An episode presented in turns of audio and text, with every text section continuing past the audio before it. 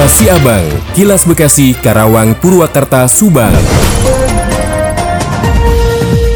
Guna memudahkan pelayanan terhadap anak, Kartu Identitas Anak atau KIA didorong untuk dimiliki setiap anak usia 0 hingga 17 tahun.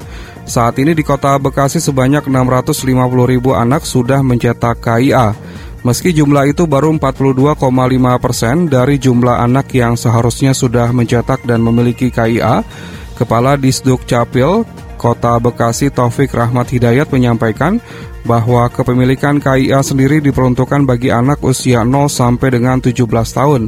Kemudian disampaikannya bahwa saat ini sudah tercetak sekitar 42,5 persen dari jumlah anak 0 sampai 17 tahun yaitu kurang lebih sudah tercetak sebanyak 650 ribu KIA. Untuk data cetak KIA di kota Bekasi sudah tercetak 42,5 persen di mana stok belangko KIA sudah disesuaikan dengan jumlah anak. Sementara kepemilikan KIA bagi anak adalah untuk memastikan bahwa data kependudukan anak yang terlengkapi dimulai dari akte kelahiran dan juga nomor induk kependudukan.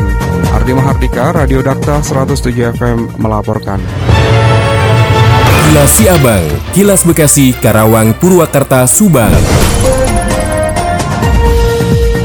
Dari Subang dikabarkan bagi masyarakat yang sudah menjual kendaraan mobil atau sepeda motor ke orang lain, sebaiknya segera blokir surat tanda nomor kendaraan atau STNK. Hal itu dilakukan agar pemilik kendaraan tidak perlu membayar pajak progresif lagi karena kepemilikan STNK lebih dari satu. Kanit Residen Polres Subang Ibtu Geta mengatakan salah satu syarat pemblokiran kendaraan yakni pemilik lama hadir ke Samsat dengan membawa KTP asli. Kemudian datanya dicek menggunakan mesin pemindai KTP dan akan keluar nama peserta data pemilik kendaraan. Blokir STNK lanjut kita adalah pembekuan atau pemberhentian fungsi STNK sebagai salah satu surat kepemilikan kendaraan yang sah. Jika tidak dilakukan, maka pemilik kendaraan wajib membayar pajak progresif setiap tahun dan juga pajak kendaraan lima tahun. Demikian Tika, GSP Radio Pamanukan mengabarkan untuk Kilas Si Abang. Kilas Siabang, Kilas Bekasi, Karawang, Purwakarta, Subang. Diinformasikan dari Karawang, pembangunan tahap kedua jembatan Walahar di Kabupaten Karawang berjalan tahun ini. Bupati Karawang Selika Nurahdiana berharap adanya jembatan tersebut dapat menjadi solusi persoalan kemacetan di jalur Ciampel Klari. Selama ini Bupati mengatakan lalu lintas kendaraan di jalur Ciampel menuju Klari ataupun sebaliknya selalu mengalami kemacetan. Jalur tersebut merupakan bagian dari akses menuju kawasan dan zona industri. Jembatan Walahar dibangun dengan dukungan bantuan keuangan pemerintah Provinsi Jawa Barat. Untuk membangun jembatan dengan panjang 130 meter dan 7 meter itu dialokasikan anggaran sekitar 51 miliar. Pembangunan tahap pertama jembatan yang menghubungkan wilayah Kecamatan Kelari dan Ciampel dilakukan pada tahun 2019.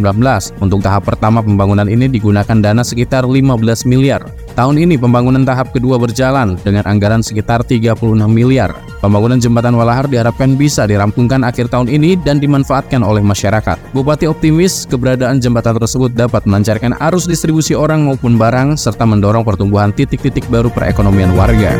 Demikian Yuda Arya Seta, 96,9 FM Ades Radio Karawang untuk Kilas Siabang.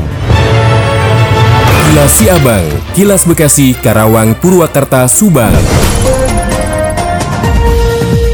Dikabarkan dari Subang, dua pemuda bernama Malik 25 tahun dan Nabil 22 tahun asal Aceh harus berurusan dengan polisi. Mereka berdua ditangkap gegara menjual obat keras di Kabupaten Subang, Jawa Barat.